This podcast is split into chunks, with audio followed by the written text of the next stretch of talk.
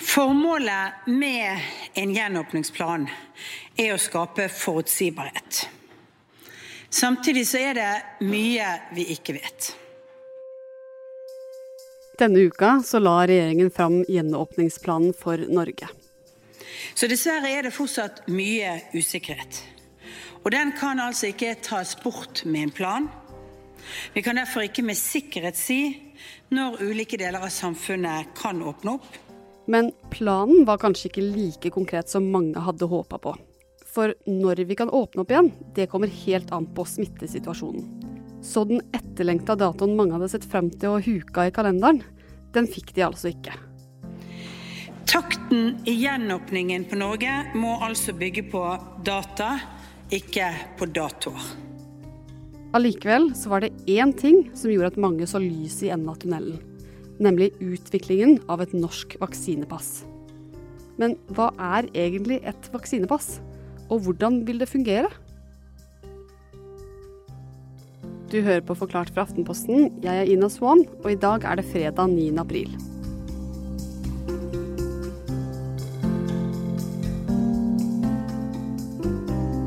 Onsdag la regjeringa fram en slags eh, firetrinnsplan for hvordan Norge skal åpnes igjen et, eh, et år med koronaviruset. Eh, og til glede for mange så vil det kanskje kunne skje raskere for de som allerede har fått vaksine, f.eks. Ole Alexander Saue er journalist i Aftenposten. Men hva friheter et sånt eh, vaksinepass skal gi oss i Norge, da er fortsatt litt usikkert. Her har eh, andre land, som f.eks. Danmark, eh, kommet mye lenger. Eh, og debatten om hva friheter et sånt vaksinepass skal gi oss i Norge, den har først kommet denne uka. Men uh, Ole Alexander, hvor er det denne ideen om vaksinepass egentlig kommer fra? Eh, jo, denne ideen kommer faktisk eh, fra Syden, som vi nordmenn er så glad i. Eh, vi husker jo alle koronasommeren 2020. Verden var under strenge tiltak. Sydenturismen stoppa opp, og land som Kypros og Hellas det blødde økonomisk. Det er jo avhengig av denne sydenturismen. Og landene vil jo helst unngå en ny koronasommer i 2021. Og så kom faktisk Kypros med en idé allerede før jul. Eh, et vaksinepass som eh, lar de vaksinerte få reise eh, fritt i EU-EØS uten å måtte gå i karantene. Og Ideen ble raskt omfavna av Hellas, og siden har ferieland som Italia, Portugal og Spania kasta seg på. Dette ble da noe som EU måtte ta stilling til. Eh, og mens Tyskland og Frankrike har vært mer litt sånn avventende eh, og kritiske med tanke på hva et sånt vaksinepass kan føre til av diskriminering og den type ting, så har land som Danmark, Israel og Storbritannia kasta seg over vaksinepasset og lansert egne pass som en del av gjenåpningsplanen i sine land. Og 17.3 så lå EU sitt forslag på bordet dette vaksinepasset som de har foreslått, skal først og fremst tillate reising innad i EU-EØS uten at du er nødt til å gå i karantene. I tillegg så jobber regjeringa med et sånn forenkla vaksinepass som skal brukes lokalt her i Norge for å gi oss lettelser innad i Norge. Eh, så det skal ikke bare bli brukt til utenlandsreiser. Og så har du kanskje lagt merke til at det finnes en del ulike ord for dette passet. Danmark kaller det et koronapass, Bent Høie kaller det et covid-19-pass, EU kaller det for et grønt digitalt sertifikat, og media bruker ofte ordet vaksinepass. Og selv om det her kan virke litt forvirrende, så betyr de ulike navnene i bunn og grunn det samme, nemlig et pass som gir visse fritak om du har vist negativ koronatest eller er immun. Men for ordens skyld så kaller vi det et vaksinepass i denne episoden. Så hva slags rettigheter får vi egentlig om dette vaksinepasset kommer på plass? Eh, det mest sannsynlige er at et vaksinepass til at du kan få flere besøk. Eh, du kan slippe innreisekarantene, og du slipper å gå i karantene etter du har vært i nærkontakt med noen som er smitta. Eh, I tillegg kan du kanskje dra på jobb igjen. Og dette har vi jo allerede sett at Danmark har begynt med, og vel så det. Danmark har gradvis begynt gjenåpninga etter svært strenge tiltak. Fra og med i dag åpner danske skjønnhets- og frisørsalonger, solarium og kjøreskoler. Men folk må vise fram et eh, koronapass for å kunne nytte seg av eh, mange av disse tilbudene. Åh, men det her høres jo helt fantastisk ut, spør du meg. Ja, det kan du si, men så rett fram er det ikke. Eh, et sånt vaksinepass er uetisk, mener noen, og til og med kanskje i strid med loven.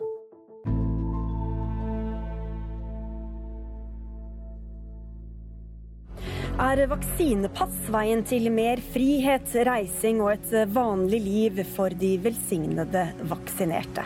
Eller blir det en forskjellsbehandling som setter spikeren i kista for koronadugnaden? Noen mener at et sånt vaksinepass er en dårlig idé fordi det er diskriminerende og skaper A- og B-lag i samfunnet.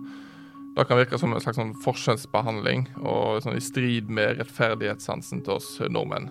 Andre mener til og med at det kan være i strid med diskrimineringsloven. Eh, skal du liksom bli nekta inngang på restaurant med bakgrunn i helsestatusen din? Eh, mens andre velger å snu på problemstillinga. Hvorfor skal de som er vaksinert leve under strenge smitteverntiltak? Er det rett og rimelig?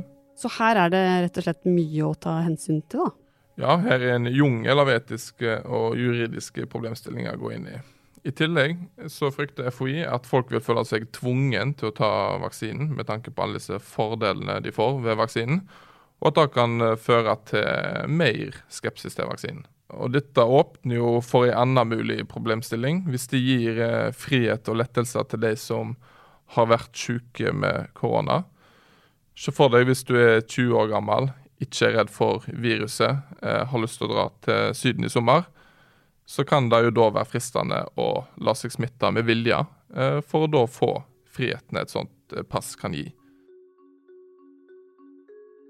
Og så er det én ting til som kan spille inn når regjeringa nå skal jobbe med muligheten for vaksinepass. Nemlig om vaksinerte, til tross for å være vaksinerte, allikevel kan bære smitte. For hva vet vi om hvor sikker vaksineringa gjør samfunnet? Eh, vi vet jo at koronavaksinen gjør samfunnet tryggere mot koronaviruset, og er en viktig del av gjenåpningen av samfunnet. Men det er én ting som vi ikke er helt sikre på ennå, og det er hvor godt vaksinen virker mot spredning av viruset. Og dette er ekstremt viktig når regjeringen nå skal på en måte bestemme hvordan samfunnet skal åpnes igjen.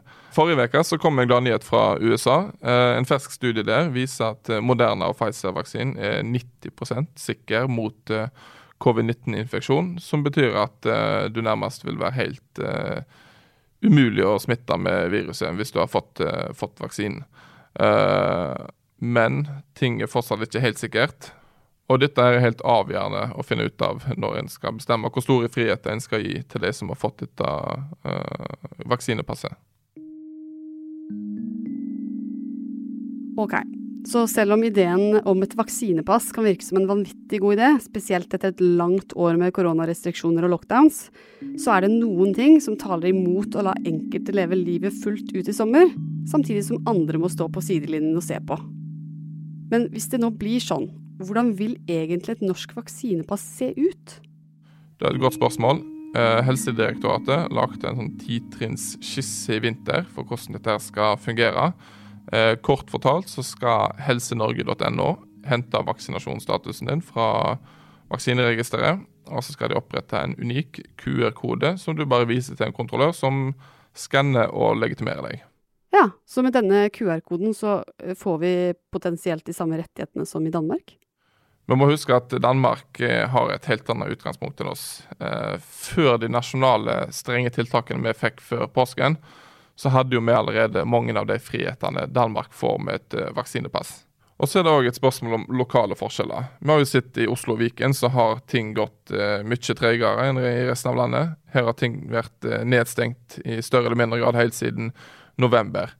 Og så er det Hvis eh, vaksineringen ikke går så fort en hadde håpa, at den kommer til juni, smitten er fortsatt høy i Oslo, eh, mens resten av landet begynner å åpne opp, da må jo byrådet i Oslo og Ramon Johansen begynne å vurdere om det er nødt til å bruke dette her covid-19-sertifikatet til å gi friheter og lettelser til de som er vaksinert. Kan vaksinepasset være veien ut av pandemien for oss? Nei, sannsynligvis ikke. Eh, nå når vi går mot sommeren, så vil jo flere og flere bli vaksinert. Vi har akkurat passert én eh, million vaksinedoser, og det kommer mer og mer. Det er i hvert fall håpet til myndighetene. Og da vil jo vaksinasjonsgraden i seg selv gjøre at smittetrykket vil bli lavere. Og da igjen kan en begynne å lette på tiltak. Og Det foreløpige målet til regjeringa er jo at eh, alle over 18 år skal ha fått tilbud om første vaksinedose i løpet av juli. Og om vi får bevist at vaksinen fungerer mot å spre smitten videre, så vil det være grunn til å tro at eh, vi vil få en sommer i år som er langt eh, åpnere enn den sommeren vi hadde i fjor. Og så kan det jo være at til og med EU sitt vaksinepass gjør at vi får reise til Syden igjen.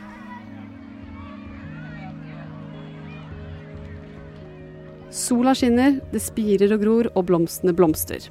Og ikke minst, vaksinepasset er i vente. Hva nå enn det betyr da. For vi vet fortsatt ikke helt hvordan dette vaksinepasset kommer til å fungere. Og alt avhenger jo også av at smitten har ligget lavt en god stund, før vi eventuelt begynner å åpne opp igjen. Så Ola Aleksander, med tanke på alt det her vi har snakka om, er det noen grunn til å begynne å se fram til en mer normal hverdag? Ja, Eh, med mindre det kommer en eh, ny mutant som er resistent mot eh, vaksinene vi allerede har satt, og vi er nødt til å begynne vaksinasjon på nytt. Det er heldigvis veldig lite sannsynlig. Så om vi får så mange vaksiner som vi har blitt lova, og vi får på plass et vaksinepass, så vil hverdagen komme mer tilbake til normalen.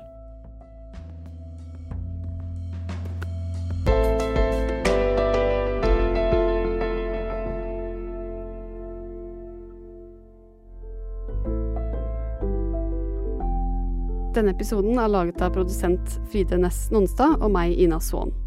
Resten av Forklart er Marit Erikstad Gjelland, Anne Lindholm, David Vekoni og Karoline Fossland.